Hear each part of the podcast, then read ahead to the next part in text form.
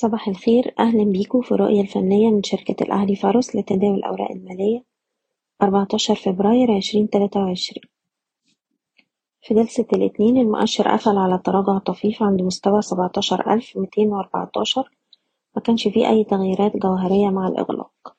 رغم التراجعات لكن المؤشر مازال محافظ على مستوى الدعم بتاعه 16950 وده مستوى حماية الأرباح على الأجل القصير. وبالتالي في حالة كسر المستوى ده لأسفل هتبقى إشارة على مزيد من الضغوط البيعية اللي ممكن هتدفعنا لمستويات ستاشر ألف ربعمية وستين.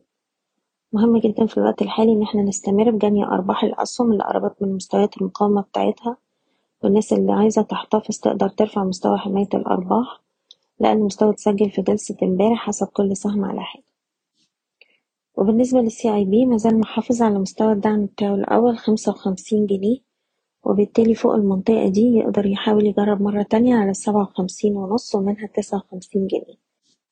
من الناحية التانية مستوى الدعم التالي هيكون حوالين التلاتة وخمسين جنيه.